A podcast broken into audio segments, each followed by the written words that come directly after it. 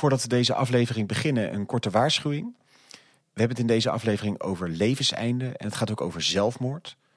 Worstel je met vragen over zelfmoord, zoek dan hulp. Je kunt bellen bijvoorbeeld naar 113 zelfmoordpreventie. Blijf met deze vragen niet lopen, maar zoek hulp. Dat is echt belangrijk. In 1965 zong de Britse band The Who in het nummer My Generation de iconische zin I hope I die before I get old. Mijn dood is hopelijk nog heel ver weg, maar ik herken wel iets van wat The Who zingt. De aftakeling, de gebreken van ouder worden, dat de mensen om je heen wegvallen, dat je eenzaam wordt, dat je op een gegeven moment dement wordt. Het spreekt me op zijn zachtste zegt niet aan. Daarom snap ik het idee van de wet voor voltooid leven ook wel. Op een gegeven moment is het leven misschien gewoon klaar en liggen alle hoogtepunten achter je.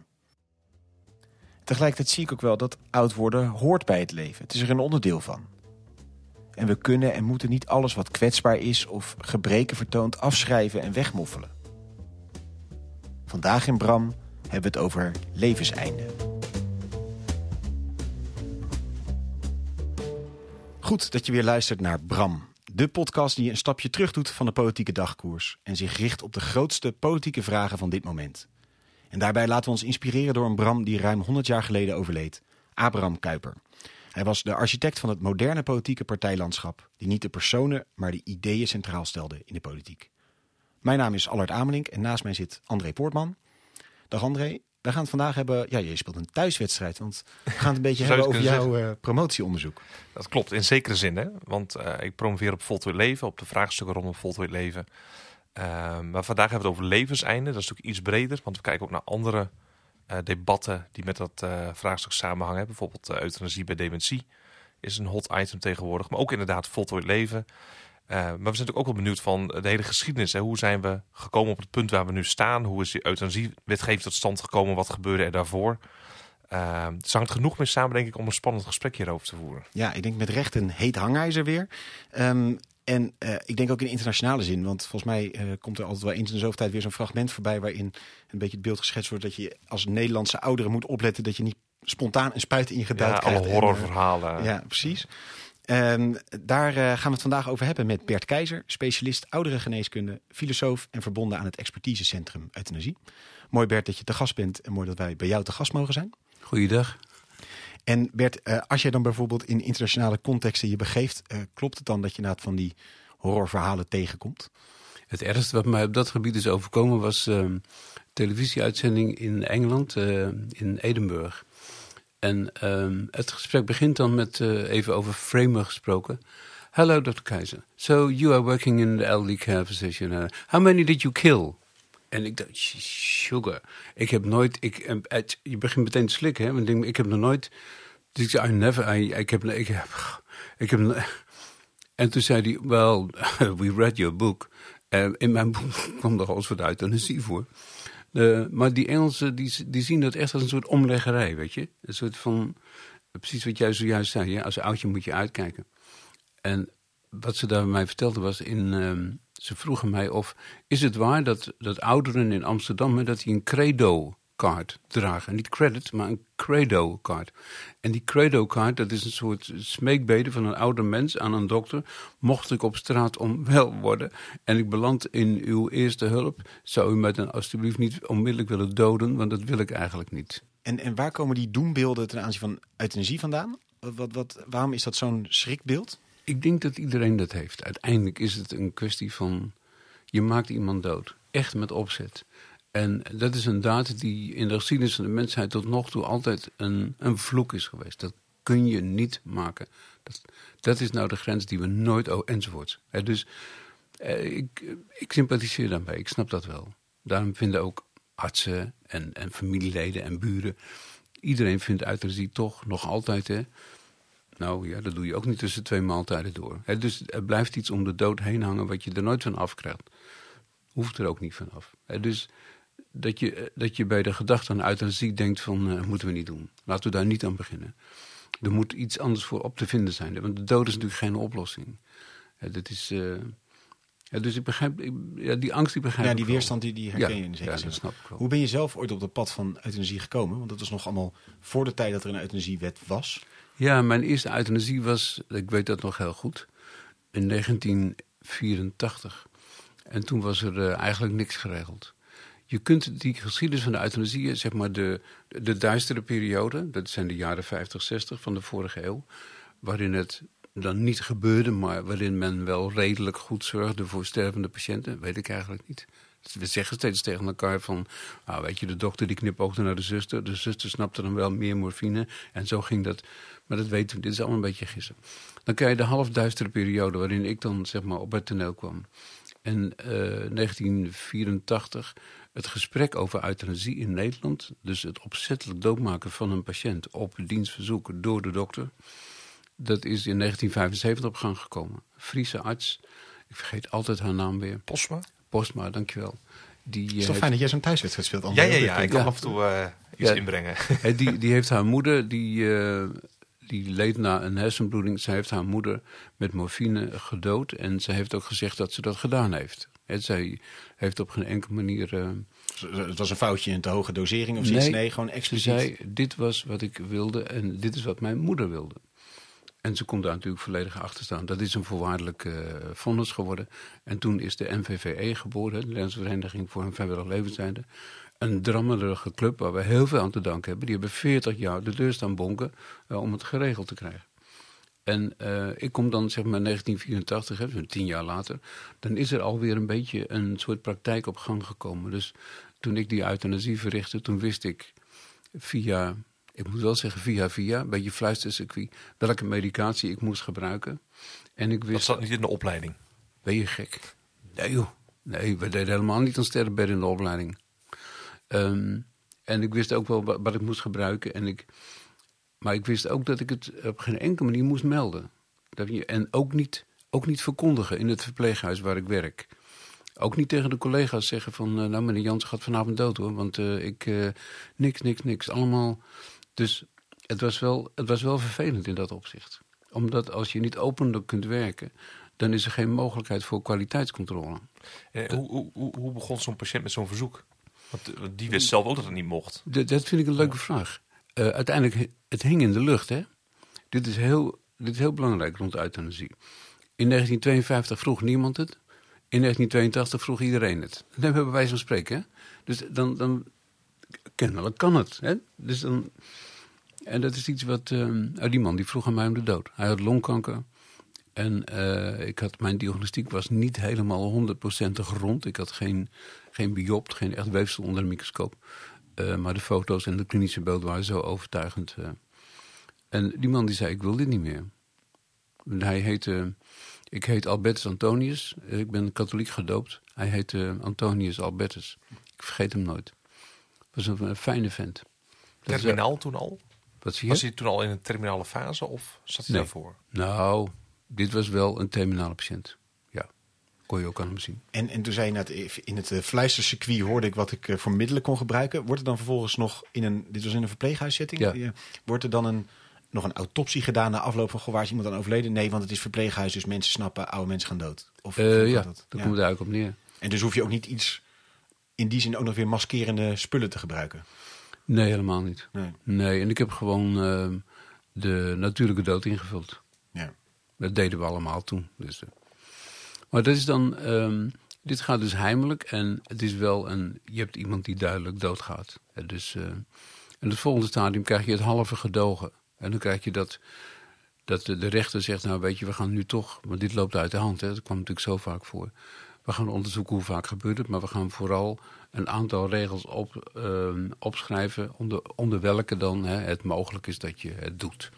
En, uh, en dat, dan kreeg je zo'n schaduwwereld, hè, waarin je dus na afloop van een euthanasie moest je de schouwarts bellen. Hè, die komt dan uh, kijken en die belt dan weer met de officier. Met de officier van justitie. Maar dat gebeurde allemaal meteen. En in het begin kwam die schouwarts, die kwam, die kwam binnen met twee regisseurs allemaal zwaar checkrokend en uh, een beetje verveeld om zich heen kijken. Die, ja, die zijn, het is natuurlijk een hele rare misdaad, hè? Ja. De, de dokter de, heeft de, iemand... dader staat ernaast, zeg maar. ja, die, staat ernaast. Die heeft de politie gebeld. Wil je alsjeblieft komen kijken? Want het is krankzinnig natuurlijk. Hè? Iedereen voelde ook van, dit is zo raar. Zo bizar. Het is al raar, euthanasie. Maar als je na afloop ook nog jezelf als zeg maar, moet aangeven bij de... Nou, dus dat was vervelend, ook omdat die... Uh, jij, jij was, omdat het net gebeurd was, was je emotioneel nogal aan, ja, hoe zeg je dat? Je lag een beetje braak. Ja. En, en dan kwamen die regisseurs binnen en die zeiden van... eh, kon, die, eh, kon die vrouw niet langer wachten? Zeker een erfenis hier. Weet je, dat soort lullige opmerkingen. Allemaal een beetje flinke mannenpraat. Maar je was daar echt niet voor in de stemming als arts. Nee. Omdat je, je, je was een beetje breekbaar. Weet je, een beetje, maar goed, dit is een, die half Ja, gedoogd precies. En in die semi-obscure jaren had je ook heel erg dat... Er ontstond een klein beetje, eh, een beetje cowboy-achtige atmosfeer. Dus de ene arts durfde het, hè, de andere durfde het niet. Dat soort woorden gingen we gebruiken, weet je. Ook, ook weer niet goed, hè. Dit zijn allemaal jongens, hè. Testosteron. En ehm, dan schuiven we op naar een goede standaardisering. Dus een goede protocolering van hoe moet je het nou doen. Want het klinkt een beetje raar. Een euthanasie, dus iemand netjes dood laten gaan, hè. Is, nou, het is geen hogere wiskunde, maar er komen een aantal vaardigheden bij kijken. En ook een aantal farmacologische feiten die je even onder de knie moet hebben om dat netjes te laten verlopen. Die praktijk, hè, het, het nette van die praktijk is in die jaren ontstaan. Dus in 2002, toen we de wet hadden, dat was echt eh mosterd naar de maaltijd. Want we deden het al lang, hè, zoals de wet het uiteindelijk wil dat we, we, de, dat we het zouden doen. En nu is het, eh, het controleapparaat is nog steeds, eh, draait nog steeds op volle toeren. Eh, maar die controle heeft nu niet meer dat, dat mes scherpe, dat verwijtende, dat, eh, dat minachtende ook. Hè, van, dat is helemaal weg. En hoe was in die tijd de, de, de rol van apothekers? Want je had volgens mij een apotheker nodig om uiteindelijk aan de middelen te komen. Was het dan via via? Eh, Want nu, nu kun je gewoon naar een apotheker toestappen, lijkt me, met een verzoek. Ehm, of zijn er ook apothekers die er misschien niet aan meewerken? Ik ben benieuwd Eh, naar die rol van apothekers hierin. Even eh, hoe we toen deden. Ik kende een apotheker die mij wilde helpen. En die was in een, eh, in een ziekenhuis in de buurt. Het ziekenhuis is bij eh, 800 meter bij mij vandaan. En die, ehm, eh, die, die stond achter, eh, achter wat ik deed. Die, die wilde ook wel weten wie, wie het, eh, waar gaat het om, wat is het voor ziekte. En, dus die, maar dat was wel op zijn, op zijn persoonlijke goodwill. En zijn persoonlijke ehm, ja, vertrouwen in mij. En ehm, nu is het zo dat je kunt, je vraagt aan de apotheker hè, of ze wil helpen. Eh, maar zij kan zeggen, of hij kan zeggen, nee, dat doe ik niet. Dus iedere apotheker is vrij om te zeggen van, eh, ik voel me hier niet goed bij. Het is een, ehm, het is, eh, je moet wel met je pet in de hand, vind ik, netjes vragen aan de apotheker of, of hij of zij wil helpen. Ja. Daar kun je niet van uitgaan. Nee. En er zijn dus apothekers die zeggen, nou sorry, maar ik ken u helemaal niet. Dus ik doe dat liever niet. Punt. Dan heb je, alle artsen bij het expertisecentrum hebben een eigen apotheker. en zo'n backup. Bij wie je weet dat je altijd terecht kunt. En die heb ik ook. Ja, dus ik zit nooit eh, voor één gat gevangen. Nee. En, en, en als we dan kijken naar de hedendaagse praktijk, 2002 dus een wet inderdaad. Wat is vandaag de dag, wat voor aantallen hebben we het in Nederland? Waarin uh, euthanasie In, in? Nederland hebben, er gaan ongeveer 145, 150.000 mensen dood per jaar. Daarvan zijn 6000 euthanasiegevallen. En we hebben reden om aan te nemen dat die, eh, dat, dat getal klopt. Omdat de manier op het tellen, die is, eh, dat is anoniem. Eh, dus je mag, er zijn ook wel situaties waarin een arts, komt niet zoveel meer voor hoor, eh euthanasie pleegt en niks meldt. Bij niemand iets meldt. En je zou zeggen, nou ja, als je, als, als hij niks meldt, dan weet je ook niet hoe vaak het gebeurt. Maar we hebben een, in, in het verleden anonieme surveys gedaan. Waarin dokters zonder, echt zonder enig probleem wat eh, zeg maar hun traceerbaarheid aangaat, konden zeggen wat ze deden. En ook toen hebben we ontdekt, er zijn eigenlijk heel weinig artsen. En nu denk ik eigenlijk geen artsen die, die het niet zeggen als ze Nee. doen. Ja, dus die 6000, dat is 4 procent. Ja. En, en ho- hoe gaat zo'n proces? Want hè, André vroeg net terecht naar dat iemand komt met een verzoek. Nou, vandaag de dag is dat een, een normaler verzoek als je de aantal ook ziet. En, en hoe ziet dan de procedure eruit? Waar meldt i- bij welke arts meldt zo iemand zich bijvoorbeeld? Bij de huisarts. Dat is het meest voor de hand liggend. Maar als je in een ziekenhuis ligt, bij de specialist. Maar de huisarts is de dokter in Nederland die de meeste euthanasie eh, doet. Denk ik 95 procent. Snap je? En de verpleeghuisarts, eh, of de specialist de oudere geneeskunde. Maar de huisarts is de belangrijkste dokter in het hele euthanasie gebeuren. Dus je vraagt het aan je huisarts. En eh, hoe gaat die vervolgens te werk? De huisarts die, ehm, nou die gaat eerst bij zichzelf te raden. En ik adviseer artsen altijd, kijk eerst even bij jezelf. Het duurt niet lang hè, om een besluit te nemen. Je weet eigenlijk, als mevrouw. Jansen... Ja. Ja, ja, snap je. Ja. Als mevrouw Jansen het aan jou vraagt, Dan, en je kent haar, je weet precies wat ze achter, achter de rug heeft, hè, die stakker. En dan, je weet eigenlijk al meteen, dit ga ik doen. Of je weet ook meteen, oh god, dit ga ik niet doen. Het is niet zo ingewikkeld. Uh, wat ingewikkeld is voor een dokter, is om, om goed dicht op die intuïtie te staan. En te durven toegeven, bijvoorbeeld als je het niet wil doen, hè, om duidelijk toe te geven van, dit ga ik niet doen. Dokters zeggen dat niet graag. Want ze hebben een hekel aan euthanasie, maar ze hebben ook een hekel aan een patiënt die iets belangrijks vraagt en wat ze weigeren. Ja. En vervolgens na het, uh, heeft hij, uh, we gaan even uit van de situatie, na het, de, de huisarts uh, voelt op zijn intuïtie aan dat het, dat het een goed idee is. Of dat erin meegaat. Wat, op welke gronden kan hij dat dan bepalen? Of moet hij daar een, een argumentatie voor geven waarom hij dat wil? We hebben een goed framework. We hebben een goed, een goed referentiekader waarbinnen je gewoon dat klinkt nou een beetje lullig, maar je kunt het afvinken. En dat moet je ook doen. Dus je moet kijken wat voor diagnose hebben. Wat zijn de vooruitzichten van deze vrouw? Zijn er alternatieve behandelingen? Beseft ze eigenlijk wel wat ze vraagt? is ze goed bij de hoofd? Vraagt het in een opbelling? Vraagt ze het onder druk? Begrijp je? Dat zijn allemaal dingen die... Uh, de makkelijkste vraag is, uh, wat is het voor ziekte? En bij sommige ziektes kun je zeggen van, oh, dit wordt niks. Echt waar. Dit is, die heeft alleen maar meer ellende voor de boeg. De moeilijkste ziektes zijn die waarvan je moet zeggen... ja, het kan vriezen, het kan dooien... maar ze heeft nog een jaar, twee jaar, drie jaar te gaan. En het hoeven niet zulke slechte jaren te zijn... maar ze kan dit nog een hele tijd uitzingen. Dat is lastig. En maar die man of vrouw die zegt... nee, ik wil dit niet uitzingen, ik wil er nu uit. En je hebt ziektes waarvan je moet zeggen... Bij de ene dokter die zou zeggen van ja natuurlijk, uh, kat in bakkie. En een andere dokter zegt nou, dan begin ik echt niet aan. Dus er zijn nog steeds heel veel artsen die het liefst dat klinkt nou een beetje vervelend, maar die het liefst een doodzieke patiënt hebben. Ja, want dan is dus, de afweging veel makkelijker. Heb je, en niet iemand die nog alleen Albert Heijn fietst, hè, dan denkt ze, ja, kom even. Ja, dus dat is wel... Daar zegt de wet niks over, toch? De wet zegt... de toestand van de patiënt. Nee, maar het moet ondraaglijk en uitzichtloos lijden zijn. Nou, ondraaglijk en uitzichtloos. Ja, dat zijn lastige categorieën. Ondraaglijk is de moeilijkste. Wat jij ondraaglijk vindt, is voor mij een makkie. En andersom. dus die ondraaglijkheid is een een lastige, subjectieve uh, kwaliteit uh, waarvan je... Kijk, als iemand zegt dat hij het ondraaglijk vindt... de dokter moet het ook invoelbaar vinden. Ja, precies. Het, dus als jij het ondraaglijk vindt dat je niet naar de film kunt vanavond... nou, dan denk ik... Uh, kom eens terug op planeet Aarde. Want dat is, ja, als je dat niet kan verstouwen, dan... nou ja. Maar begrijp je, dus je moet wel... Of iemand heeft een eerste teleurstelling in de liefde...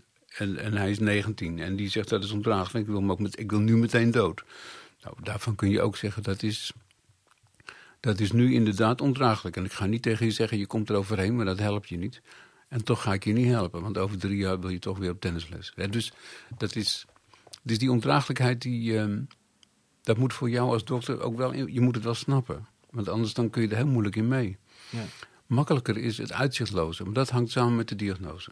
dus bij, uh, bij een uitgezaaide kanker, moet dan wel een bepaald type zijn nog, kun je altijd stellen van dit is uitzichtloos. En ik weet, deze ziekte, de ziekte als ALS of ziektes als MS of mensen die een broed hebben gehad, mensen in bepaalde stadium van Parkinson.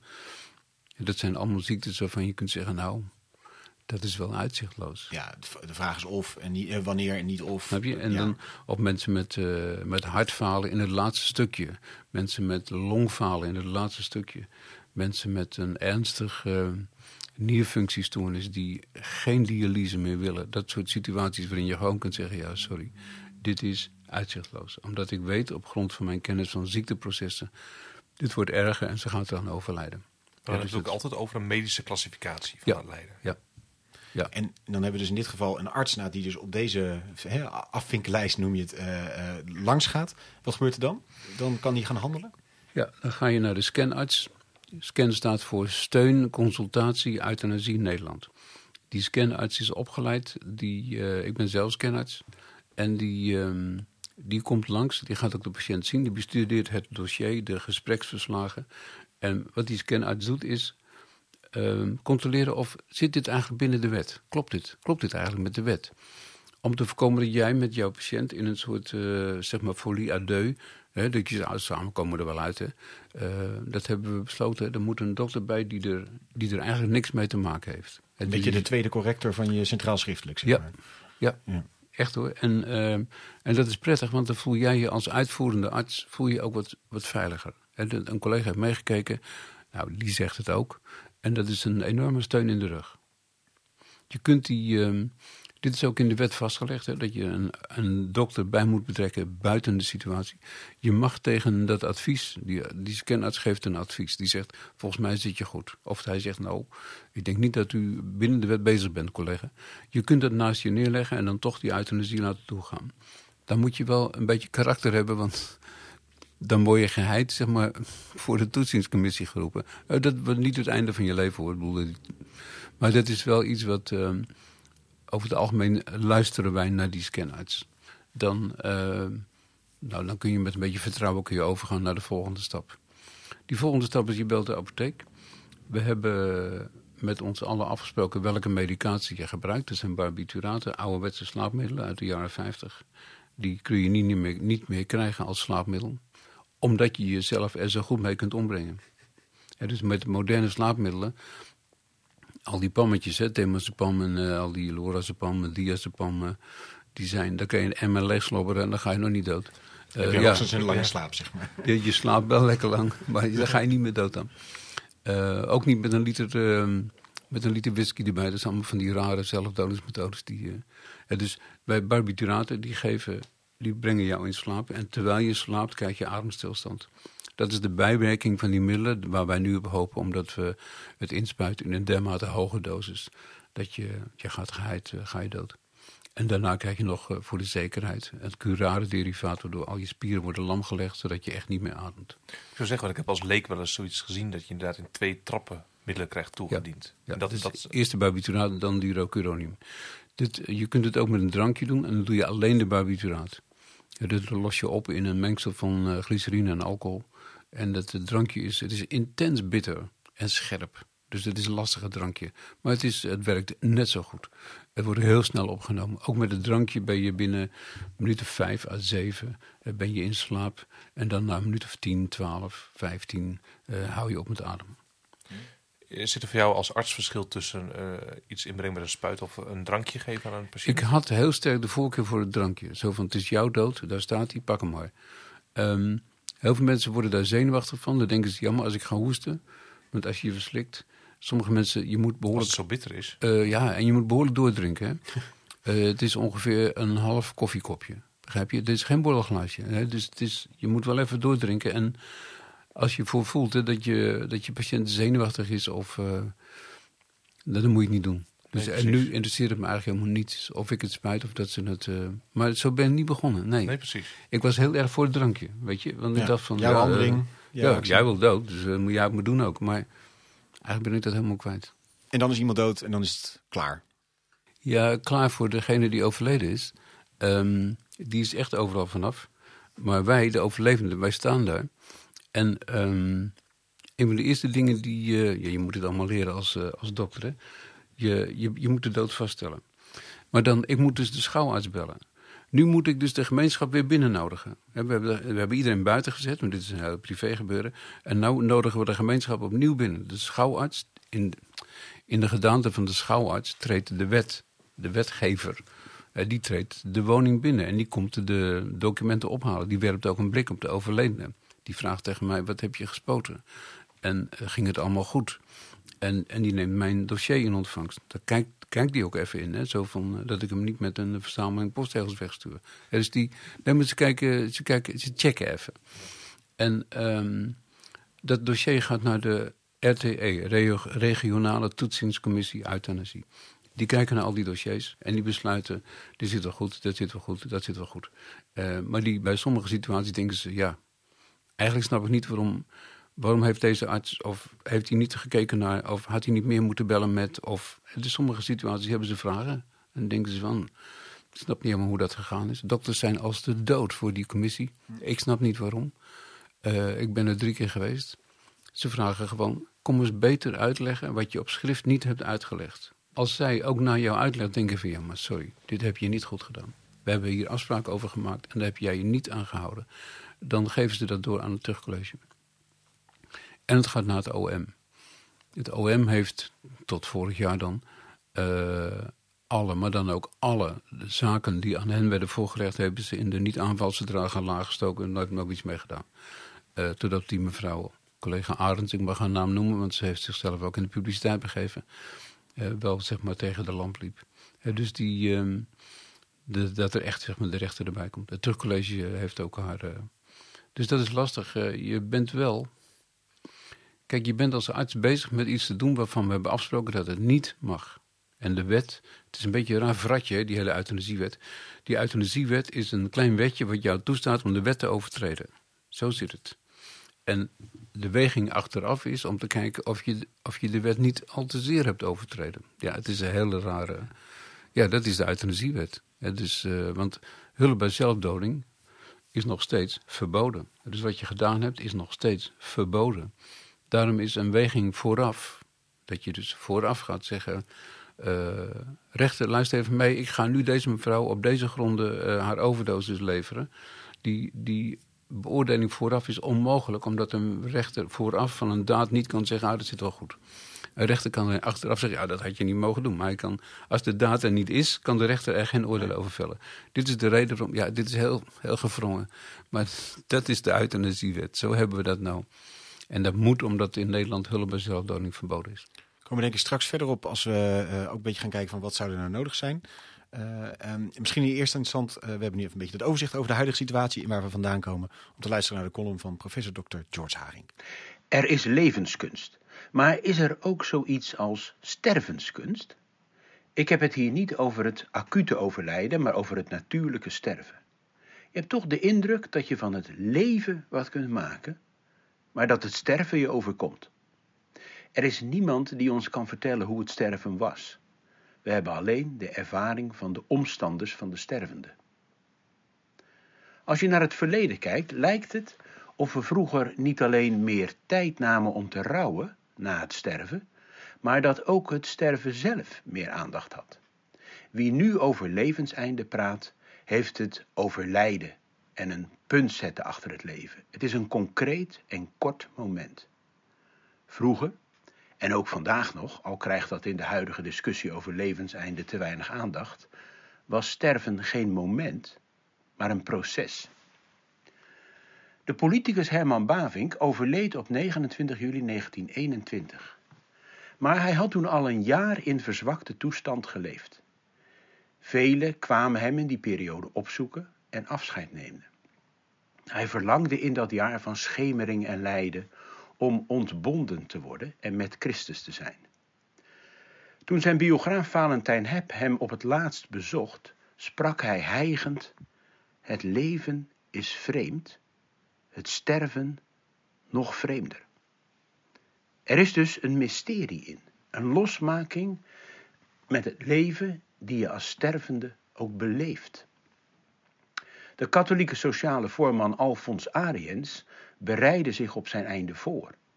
Reeds nu neem ik de dood geduldig aan, bad hij al jaren voor zijn sterven, dat op 7 augustus 1928 plaatsvond. Hij kon op het laatst niet meer bewegen, spreken, maar hij bleef bidden. Zijn sterven was geen strijd, het was een tocht huiswaarts. Hij trok de dood aan, zoals je kleren aantrekt. De SDAP-voorman Pieter Jelle Stroelstra werd op 20 april 1930 70 jaar. Maar in de weken ervoor bleek zijn gezondheid hard achteruit te zijn gegaan. Er kwam geen feest. De ziel heeft moeilijke weken achter de rug, citeert biograaf Piet Hagen, een van Troelstra's vrienden. Daarna ging het verder achteruit. Hij werd zo licht als een veertje, lag op een rustbank, sprak nauwelijks meer en had veel pijn. Er werd geen punt gezet, maar hij werd met liefde en zorg omringd. Tere handen geleidden hem naar de dood en sloten het lid van zijn oog, zoals hij zelf over de dood had gedicht. Oud-premier Joop den Uyls geheugen begon in de zomer van 1987 te haperen. Hij kreeg een hersentumor in oktober en toen brak een moeilijke, maar ook intieme periode aan voor den Uyl en zijn naasten. Eerst lag hij soms in bed. Toen kwam het bed in de woonkamer. Toen kwam hij de woonkamer niet meer uit. En tenslotte kwam hij ook zijn bed niet meer uit. Hij kon niet meer praten en overleed op 24 december. Zijn vrouw sloot zijn ogen. Barend Biesheuvel, een andere oud-premier, moet op zijn sterfbed leren loslaten. Het was volgens zijn dochter zijn moeilijkste opdracht. Iedereen wil naar de hemel, maar niemand wil dood. Hij overleed voor zijn laatste wil, euthanasie, kon worden uitgevoerd. Wat opvalt in al deze getuigenissen is dat het sterven niet alleen als lijden werd gezien. Het was ook een voorbereiding naar een overgang in een intensieve periode van liefde en zorg. Het sterven was geen eindpunt, maar een eindfase, waarin je niet heerst, maar wordt beheerst. En het was niet alleen negatief, maar meer een laatste intense zoen. Bert, aan het begin gaf je aan wel van... ik ervaar nog steeds wel een, een weerstand ten opzichte van euthanasie. En toch ben je er ooit aan begonnen, ben je nog steeds bij betrokken. Waar komt die weerstand vandaan en waarom doe je het dan toch? Of waarom hebben we überhaupt dan eigenlijk deze situatie van dat artsen bereid zijn om dit te doen? Ik denk dat het een kwestie is van um, barmhartigheid. Uh, in de zin van, als ik in die situatie zou vragen om de dood, dan hoop ik bij God dat ze naar me luisteren. Ik denk dat dat gewoon je basale emotie is. Dat was zeker bij die eerste euthanasie die ik jullie beschreef. Hè. Dat is een man die me ook persoonlijk sympathiek was, moet ik wel toegeven. Um, en die in nood was. Dat je, ja, dat je op zo'n smeekbeden, dat je daarop ingaat, is wel iets waarvan je... Uiteindelijk was je, je, je was dokter geworden om, om zieke mensen te helpen. En ja, niet om ze naar de andere wereld te helpen, maar als dat, als dat het enige is wat op het menu staat, hè, dan, um, ja, dan was ik ook wel bereid om dat te doen. Maar ik moet zeggen, die, uh, die angst voor euthanasie, die weerstand. Ik sliep niet als ik euthanasie in het verpleeghuis tegen oog dicht. De nacht daarvoor. Je, bang voor, nou gewoon bang. Uh, bang voor, uh, gaat het goed? Kijk, je bent voor twee dingen bang. Dat het niet goed gaat, dat is lekker. Dan heb je alles voorbereid en dan kom je met de verkeerde medicatie aanzetten. Allemaal dat soort angstdromen. Dus je bent bang dat het niet goed gaat, maar je bent nog banger dat het wel goed gaat. Want dan zie je na afloop met een, met een dode. Dus die angst die is... Um... Je kunt niet checken van uh, hoe was dit voor u? Na afloop kan je niet vragen, nee, dit is toch wat u bedoelde, hè? Nee, dat, is, dat moet je wachten tot uh, de reïncarnatie. Dan kom je elkaar weer tegen misschien. Nee, dus dat is een... Uh, en dat is, dat is in dat opzicht verschilt de euthanasie van elke andere ingreep, hè? Als je zeg maar, ergens de verkeerde nier uithaalt, kun je na, na afloop altijd nog zeggen: Sorry, dat was natuurlijk niet de bedoeling. Maar bij euthanasie kan dat niet. En dat onomkeerbare van de dood, dat is iets wat dat gaapt je wel aan. Daar sta je wel heel dicht bovenop dan, hè? Dat onomkeerbare van de dood. je hebt er een rol in. Je staat er niet alleen dicht bovenop, maar je, je ja. faciliteert de dood. Ja. ja, nee, dat is ook heel. Uh... Maar ik moet zeggen, die angst, ik zit nou een beetje scherp te omschrijven, dat is wel gesleten over de jaren. Ik heb dat niet meer zo. Ik slaap prima voordat ik een euthanasie moet verrichten. En op het moment zelf, is er dan spanning of zenuwachtigheid? Ik ben wel zenuwachtig en gespannen, omdat ik wil dat het goed gaat. Ja, dus, het was een muzikus voor een uitvoering. Even. Uh, ja. ja. ik denk dat dat geen slechte vergelijking is. Ja. En ik zit nog even te denken, die, die dan, stel dat de overdosis is, is uh, gegeven. Die persoon heeft dan nog een paar minuten, is een paar minuten bij. Hoe, hoe... Bij het drankje een paar minuten, maar bij de injectie niet. Want dan, je spuit, het is net als narcose. Je spuit het en terwijl jij het spuit, begint men al te gapen. Oh, ja. En uh, meestal midden in een volzin. En dat is een kwestie van uh, ehm, 40 seconden, anderhalve minuut nadat jij begonnen met, met, uh, met het in te spuiten, verliezen ze het bewustzijn. Het gaat heel snel. Eigenlijk altijd te snel. Weet je, de, om, de, de omgeving zegt van, nou dat ging wel heel gauw. Ja, ja, sorry. Maar je probeert mensen te waarschuwen, want het gaat snel. Maar die waarschuwingen hebben niet zoveel Het gaat altijd nog iets sneller dan weer dan ja, gedacht. ja, Ja. ja. Tijd vliegt dan ook echt natuurlijk. Ja. Je geeft aan inderdaad, eh, barmhartigheid is een beetje wat mij drijft. Inderdaad. Wat zijn de belangrijkste weerstanden vanuit maatschappelijke opzichten ten opzichte van euthanasie? Ik denk dat iedereen bang is voor misbruik, weet je. Dus het ergste is dat iemand euthanasie zou krijgen en het, en het was helemaal niet nodig. Dat is erg. Moeten we deze mensen wel ombrengen? Ja. En um, god, er is altijd nog, als er leven is, is er hoop. Uh, ja, de dood kan altijd nog. Ik bedoel, de dood is natuurlijk geen oplossing. Uh, ja, Voor mensen die dood willen, moeten we gewoon eh, liefdevolle zorgen. Is natuurlijk een vaak gehoord verhaal van. Hè? Mensen moeten niet uit eenzaamheid het willen, moeten ze vaker opzoeken. Ja, dus die. Ja, je gaat. Het is zo negatief, eigenlijk. Hè? En ehm, althans in de ogen van heel veel mensen. In mijn ogen niet, anders zou ik het niet doen. Eh, maar het is wel iets waarvan je. Je moet blijven vasthouden aan het feit. Kan het echt niet anders? In heel veel situaties moet je ook onder ogen zien. Het kan best anders. Je kan gewoon nog een jaar doormodderen. Met al je pijn, je angst, je benauwdheid en je. Het kan best. Wat ik niet goed kan verklaren is waarom we nu durven te zeggen, althans in Nederland durven te zeggen. eh, ja, het kan wel anders, maar ik doe het niet. En dat is 1 op de 25 mensen die sterft in ons land. Dat is toch al wat, hè? Dus ik, ja, ik denk dat die eh, nieuwe nuchterheid ten opzichte van de dood niet zo makkelijk te verklaren hoor. Je kunt wel zeggen van ja, maar we zijn nu, we zijn nu echt af van die, eh, van die angst hè, voor een oordeel na de dood.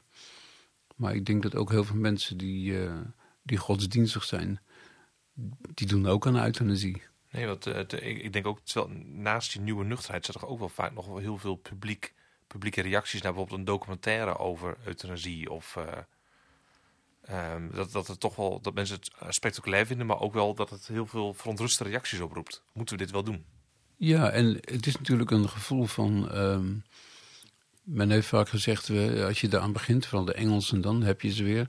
Dat is eh, hellend vlak, kijk uit. eh, In no time beland je in, nou ja, zo'n massale slachting van oudjes. Eh, sorry, dat is echt onzin. Maar het hellend vlak is geen onzin.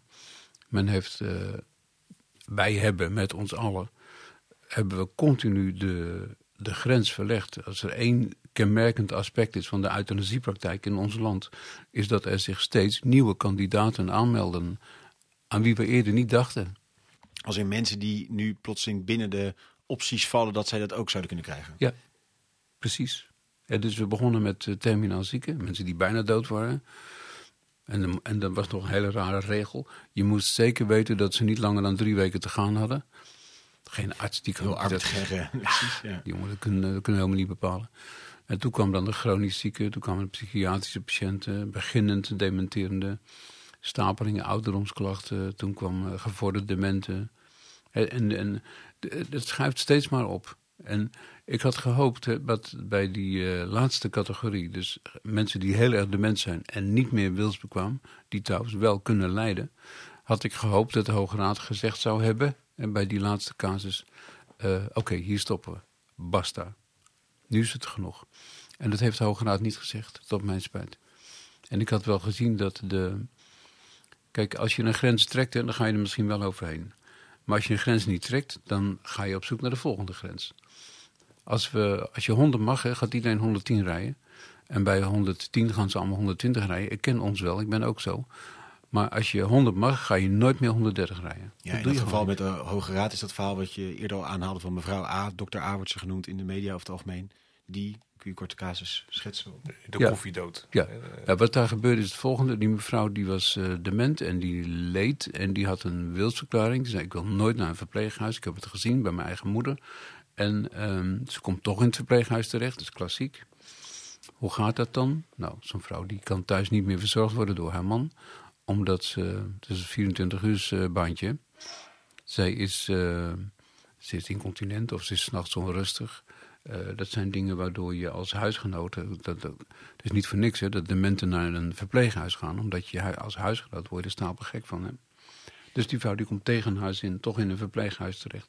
De dokter daar ziet dat ze lijdt. En ze zegt ook vaak tegen de verzorging, ik wil dood. Eh, die dokter heeft een psychiater geraadpleegd, nog eens een andere arts geraadpleegd, met de echtgenoot overlegd, naar die vrouw zelf gekeken, met de verzorgenden overlegd. En iedereen was het over eens, deze vrouw lijdt verschrikkelijk. Maar je kon niet tegen haar zeggen, hier is je dood. Want dan schrok ze zich dood en dan ging ze op de, ging ze op de loop. Eh, Dus dat, dat kon niet. Je moest het achter haar rug omdoen. Hebben ze ook gedaan. Ze heeft een slaapmiddel gekregen in de koffie. En toen ze in slaap was, hebben ze haar uiteindelijk eh, de dodelijke injecties gegeven. Zoals je dat doet bij euthanasie. En stap terug. Ze had een wilsverklaring, toch? Ja, maar die was volkomen dubbelzinnig. In die wilsverklaring zei, als ik het zelf aangeef, dan. Ja, precies. Oh, dus ze had van tevoren gezegd, nou, als ik zelf dan aangeef dat ik dat wil, dan wil ik het wel. Maar ze kon het nu niet meer aangeven. Nee. Dan heeft ook de wilsverklaring geen zin, even heel plat gezegd zou je zeggen. Want dan ben je er zelf nog bij. Ik vind dat hij geen zin heeft, maar de rechter heeft gezegd, en dat vond ik wel sympathiek, lees die verklaring nou niet al te gedetailleerd. Neem nou, neem nou ongeveer de, zeg maar, de vage nevel van de boodschap die was, als Ja. ik de mens ben, wil ik euthanasie. En ze heeft dat niet goed opgeschreven, dat hebben jullie goed gezien. Maar kijk naar de intentie van die vrouw. En ik vind dat eigenlijk wel sympathiek. Maar goed, dan zit je dus met een wilsverklaring. Dit stond al lang in de wet. Maar artsen hebben er altijd van gezegd, oh, dat doen we niet. Juristen hebben altijd gezegd, dat moet je wel doen. Wat stond er in de wet? De schriftelijke wilsverklaring kan in de plaats treden van het mondelinge verzoek. Dus als je niet meer kunt zeggen, maar ik heb het wel op schrift, dat je het ooit gezegd hebt, kan ik alsnog handelen. En, en is dat niet meer kunnen zeggen? Is dat, eh, dat kun je natuurlijk zeggen, fysiek, je bent niet meer in staat tot spreken, maar geestelijk nog wel bij. Maar dat geldt dus ook voor als je gewoon geestelijk niet meer bij bent, zeg maar. Dat Ja. dan die wilsverklaring. Juist, juist daarom, juist in die situatie waarin jij gaga bent, je kan het gewoon niet meer zeggen. En als ik het aan je vraag, zeg je nee, ik wil helemaal niet dood. Terwijl ik zie dat je heel erg lijdt. Dus, oh, je overziet het niet meer. Je bent niet, je bent niet wilsbekwaam op het punt van je doodswens. Ja, en ik denk dat veel mensen die eh inderdaad dan zo'n wilsverklaring tekenen, precies dat scenario willen voorkomen eigenlijk. Zeg maar, dat is denk ik het angstbeeld van dat ik op een gegeven moment gewoon niet meer weet dat ik van voor weet dat ik van achter leef, maar dat ook niet meer kan aangeven dat ik daaruit wil.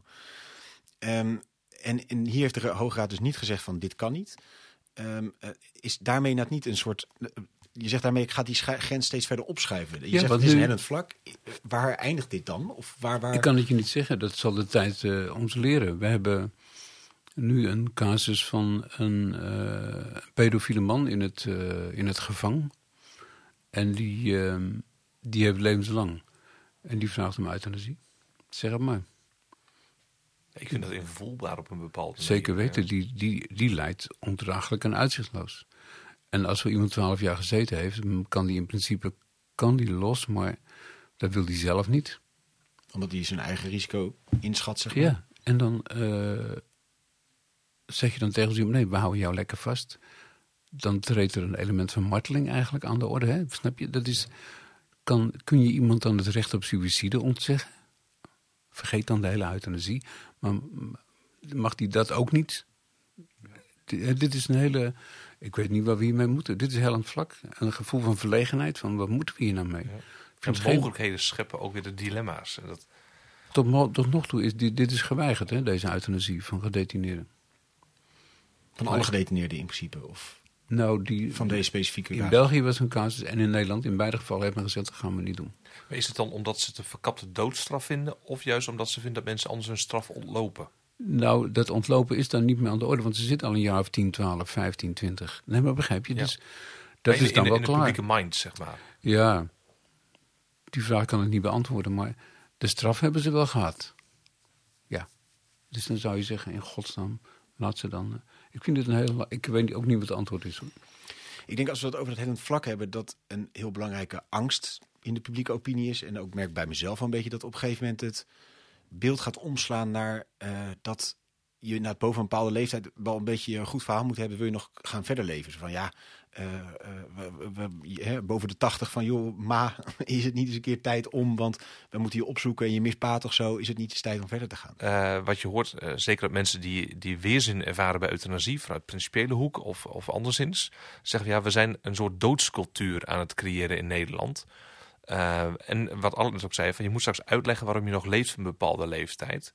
Gaat dit ons niet tussen de oren zitten, zeg maar? Ik weet niet wat ik daarop zeggen moet. Ik denk in zijn algemeenheid. Ja, wij leven in een doodscultuur. Omdat 100% van de mensen sterft. Eh, dat is al een paar eeuwen zo. En naar het zich laat aanzien, blijft dat ook zo. Eh, dus leven wij in een doodscultuur? Yes. Er wordt heel erg gestorven op aarde. Daarom houden we het ook vol. Onze levensvorm die kan ook alleen maar bestaan als we allemaal, maar dan ook allemaal sterven. Dus dat is nou niet iets waarvan ik denk dat het in 1982 begonnen. Nee, maar ehm, het andere punt is een beetje dat de, dat aandringen op de dood bij ouderen. Sorry, maar dat heb ik. Ik, ik ken dat niet. En ik, ik ken die sfeer ook niet. Ik heb dus eh, jarenlang in de ouderenzorg gewerkt. En niet de leukste kant van de ouderenzorg, in een verpleeghuis. En ook daar heb ik nooit ervaren, niet bij de verzorgenden en niet bij de familieleden, dat er een soort ehm, ongeduld bestaat. Op het punt van, uh, jemig. Schiet nou eens op, ma. Ja, kom Ja. op nou. Ik bedoel, je weet dat je een keer moet, dus waarom niet vandaag in plaats van over drie jaar? Dat bestaat, bespaart ons ook een hoop gedoe. Ja. Ik ken dat niet. Nee, ik denk dat mensen het ook al bedoelen in dit. We hadden het net over een hele actuele zaak met de gevorderde dementie, waarbij euthanasie wordt gepleegd. Eh, of verleend eigenlijk.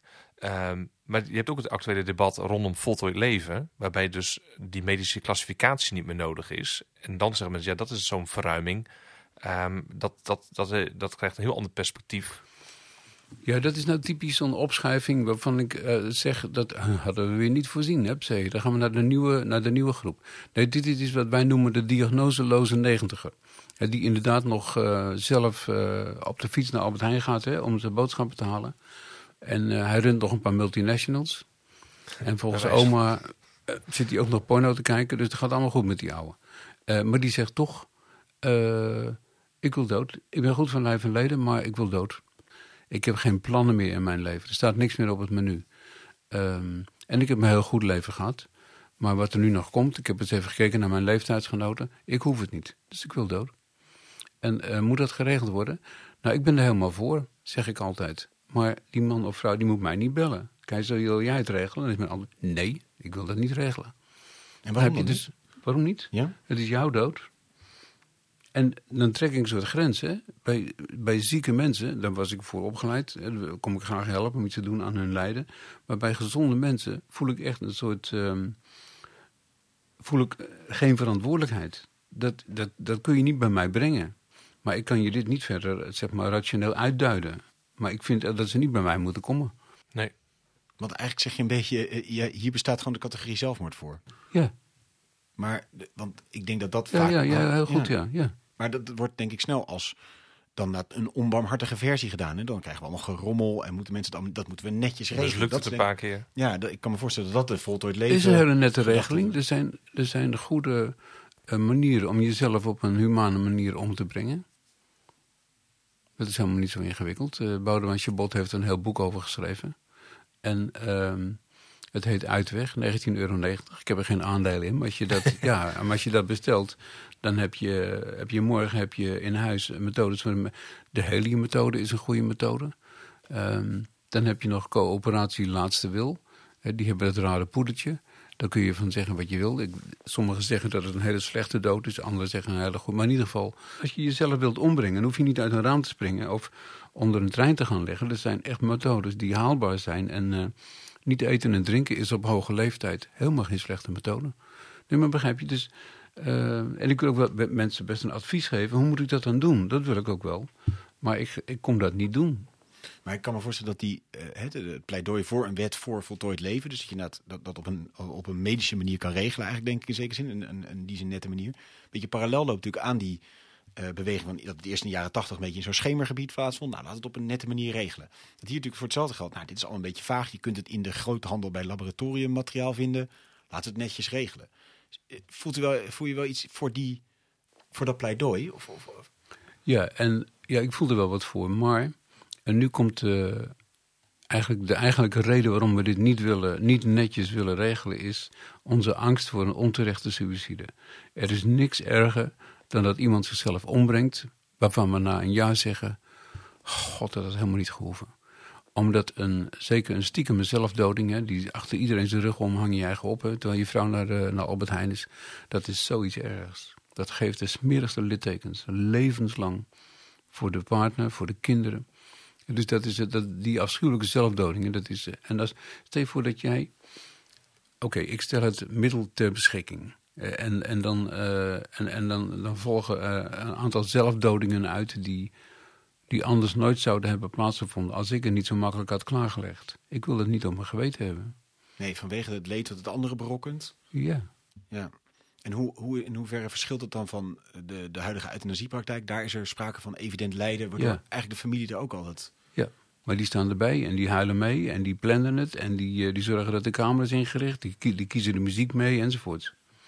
Maar goed, dat zou je met dat voltooid leven ook kunnen doen. Kun je ook zeggen, nou hoeft niet stiekem, maar gewoon eh, na afloop van eh, zeg maar je 50-jarige bruiloft kun je met z'n tweeën de overdosis nemen. Ik ben er helemaal voor, alleen ik weet niet hoe we het moeten regelen. Omdat, omdat we durven dit niet bij Albert Heijn neer te leggen. Dat durft niemand, de overdosis bij Appie neerleggen. Waarom niet? Omdat we bang zijn voor, voor onterechte zelfdodingen. Dan laat ik het risico van dodingen laat ik er nog even uit. Dus als je een methode eh, makkelijk maakt, dan zitten zoveel haken en ogen aan. Dat is eigenlijk geen doen. Daarom heeft die wet van Pia Dijkstra, die heeft ook een aantal, zeg maar, eh, veiligheidspalletjes. Hè? Die, je hebt die leeftijdsgrens, je hebt die, die stervensbegeleiders die op bezoek moeten komen. Wat ik schokkend vind aan die wet is dat die zo volkomen onnadenkend ineengeflanst lijkt te zijn. Het is een schaduw van de euthanasiewet, alleen zonder dokter. Uh, moeten we dan concluderen dat in, in bredere zin, want jij bent een specialist op dit gebied, dat dat debat er nog niet genoeg gevoerd is? Dat we zeggen van laten we überhaupt nog even voorzichtig zijn met een conclusie? Nou ja, dat wil ik wel zeggen, maar in mijn hart denk ik. Luister, dit is planeet Aarde. Er zijn heel veel dingen hier die niet goed geregeld zijn. En dit is er één van. Zo so be it. Je kunt niet alle lijden uiteindelijk wegnemen. Dat willen wij hè, bij elke, vorm van lijden. En nogmaals, ik sympathiseer met dat streven. Ik heb er een goede boterham aan overgehouden mijn hele leven. Ik ben niet gek. Maar je moet ook toegeven dat het blijft planeet aarde. Het is niet leuk op aarde. En ouderdom is niet leuk. Ja, dat zeggen ze allemaal. Ja, dat zeggen ze allemaal. En dat is ook terecht, ja. Nee, oud worden is niet leuk. En heel oud worden is helemaal niet leuk. Ja, dus het is heel zeldzaam hoor, 90-plussers die, uh, die jodelen door het leven gaan. Ja, sorry, maar dat, is, dat willen we daar niet horen. En, uh, maar de politiek schiet een beetje in die reflex van de jolijt, zou je zeggen. Hè? Van we moeten eenzaamheid opheffen, we moeten zorgen dat mensen zich gewaardeerd voelen, dat mensen zich bij het leven betrokken voelen. Ja, vind ik een heel goed idee. Maar, maar dat is natuurlijk onzin. Wil jij een 95-jarige Kamervoorzitter? Nee, die wil je niet. Nee, maar wil, ik kan me voorstellen dat een 90-jarige dat zelf ook niet meer wil. Uh, ja, precies. Dus, dus is het ook onzin om, ze, om te zeggen dat ze moeten midden in het leven blijven staan. Ik heb altijd de neiging om tegen. Ik heb wel eens in een televisiegesprek gezet met Kamerleden hierover. Ik zei, nou, ik heb nog twee heel erg eenzame, hoogbejaarde, oude mensen voor je. Je krijgt ze van mij mee naar huis. En als jij ze gelukkig krijgt, nou, dan zorg ik dat je straks naar de hemel gaat ook nog. Want dat kan gewoon niet. Heb je? Sommige levens die, die. Het leven houdt een keer op. En het is natuurlijk niet altijd zo dat dat je lichaam precies ophoudt wanneer je geest ophoudt, helaas. Vaak is het zo dat je geest wat eerder ophoudt. En, als we dan kijken wat, wat we wel zouden moeten, of, of heb je iets waarvan je zegt, god, dat appel zou ik wel graag willen doen, of dit zou wettelijk geregeld moeten worden, of dit zou, zouden wij als mensen met elkaar moeten doen? Is er wel wat nodig, zeg maar? Of zeg je, nou, eigenlijk is de situatie zoals die nu is best prima? Ja. Je, je verlanglijstje is dit, uh, Bert. nee, ik zou... Het is natuurlijk een beetje raar om te zeggen dat de situatie zoals die nu is, is eigenlijk best prima. Dat is een beetje raar. Maar, maar je zou het wel willen zeggen? Uh, ja, omdat, die, omdat, ik, omdat ik denk dat het onvolkomene van de huidige situatie, het aantal, het aantal items daarin wat gewoon niet deugt op het gebied van levensbeëindiging. Nou, je zult zien bij de volgende oplossing dat dat percentage ongeveer hetzelfde blijft. Maar dit is misschien de uitspraak van een oude man hoor. Die zegt van. De haken en ogen die zullen altijd blijven, zeg je. Zeker weten. Ja. Maar het vraagt ook bijna om een soort omarming van dat we uh, het, het tekort een beetje accepteren. Dat we zeggen, ja, dit krijgen we gewoon nooit wiskundig uh, als een betonconstructie geregeld. Dit, dit vraagt om wat meedogen naar onze eigen onvolkomenheid, zeg ja. op dit punt. Ja, dit krijgen we gewoon niet rond. Nee, neem, neem en nou moet het ook zo zijn misschien. Neem een ziekte als dementie. Ik vind het een afschuwelijke ziekte, ja. En um, probeer er maar een mouw aan te passen. En dat is iets waarvan je. Nou ja, goed, de meeste mensen hebben daar dus niet mee. In mijn werk heb ik daar veel mee te maken gehad. Met die kanten van het leven, waarbij je gewoon je schouders ook niet kunt ophalen. Ja, zo gaat het nou eenmaal. Maar waarbij je denkt: jemig jongen, moet dit zo? Ja. Nee, het moet niet zo, maar het gaat wel zo. Helemaal verkeerd, ja, helemaal verkeerd. En dat is iets wat. Uh, Wittgenstein die vertelt over zichzelf. Een van zijn zeldzame leuke. Wittgenstein is zelden komisch. Maar hij zegt, hij zegt over zichzelf. Filosoof. Uh, uit Oostenrijks filosoof ja. het begin van de 20e eeuw. Ja. En hij zegt: ik, zit, uh, ik ben ten opzichte van het leven als iemand die naar een komedie gaat. En ik zit te kijken in het theater. En halverwege zeg ik: ja, maar verdomme, dit is, een, dit is, geen, dit is geen comedie, dit is een tragedie. Hij zegt, ik ben zo'n zo'n sukkel dan. Ik heb een kaartje gekocht, ik zit daar. Het is een hele andere voorstelling. Het is geen comedie, het is een tragedie. Nou, dat is het leven. En je blijft altijd met dat gevoel zitten. Sorry, dat is mens zijn. Had je maar niet geboren moeten worden, zeg ik vaak tegen mijn patiënten. Maar dan zegt ze, ja, dank u wel, dokter Keizer. Ja. Daarom wil ik nu misschien graag dood. ja, ja, precies. Hey, eh, volgens mij een, een interessante filosofische gedachte ook om op te eindigen. Naat. En ook wel mooi, denk ik, André, wat je zegt. Naat, hier moet ook het gesprek ook wel in zekere zin blijvend over gevoerd worden. Omdat het dus... Het gaat niet alleen over een praktisch regelen van iets wat gedaan moet worden. Het moet niet in die zin technisch opgelost worden, denk ik. Nee, we komen niet zomaar op een eindpunt van nu zijn Nee. we eruit, blijkbaar. Nee. Nooit. Dus daarmee is de uitspraak van, Nooit. van, van Els Borst uit 2002 van het is volbracht. Daarmee ook in ieder geval inhoudelijk niet... eh Niet alleen ongepast, maar ook inhoudelijk niet eh, waar. Heel hartelijk dank Bert en dank André. Mooi dat je luisterde naar deze aflevering van Bram. Levenseinde is denk ik met recht een heet hangijzer te noemen. En we zijn daarom heel benieuwd wat jij vond van deze aflevering. Vind jij euthanasie ook een vorm van barmhartigheid? En waar ligt dan wat jou betreft de grens? Bij fysiek of psychisch lijden? Of is niets meer om naar uit te zien ook voldoende? We zijn benieuwd hoe jij ernaar kijkt. Laat ons weten in onze Telegram groep. Je kunt je hiervoor aanmelden via www.cda.nl wi. En vergeet je daarnaast niet te abonneren in je podcast app om op de hoogte te blijven van nieuwe afleveringen.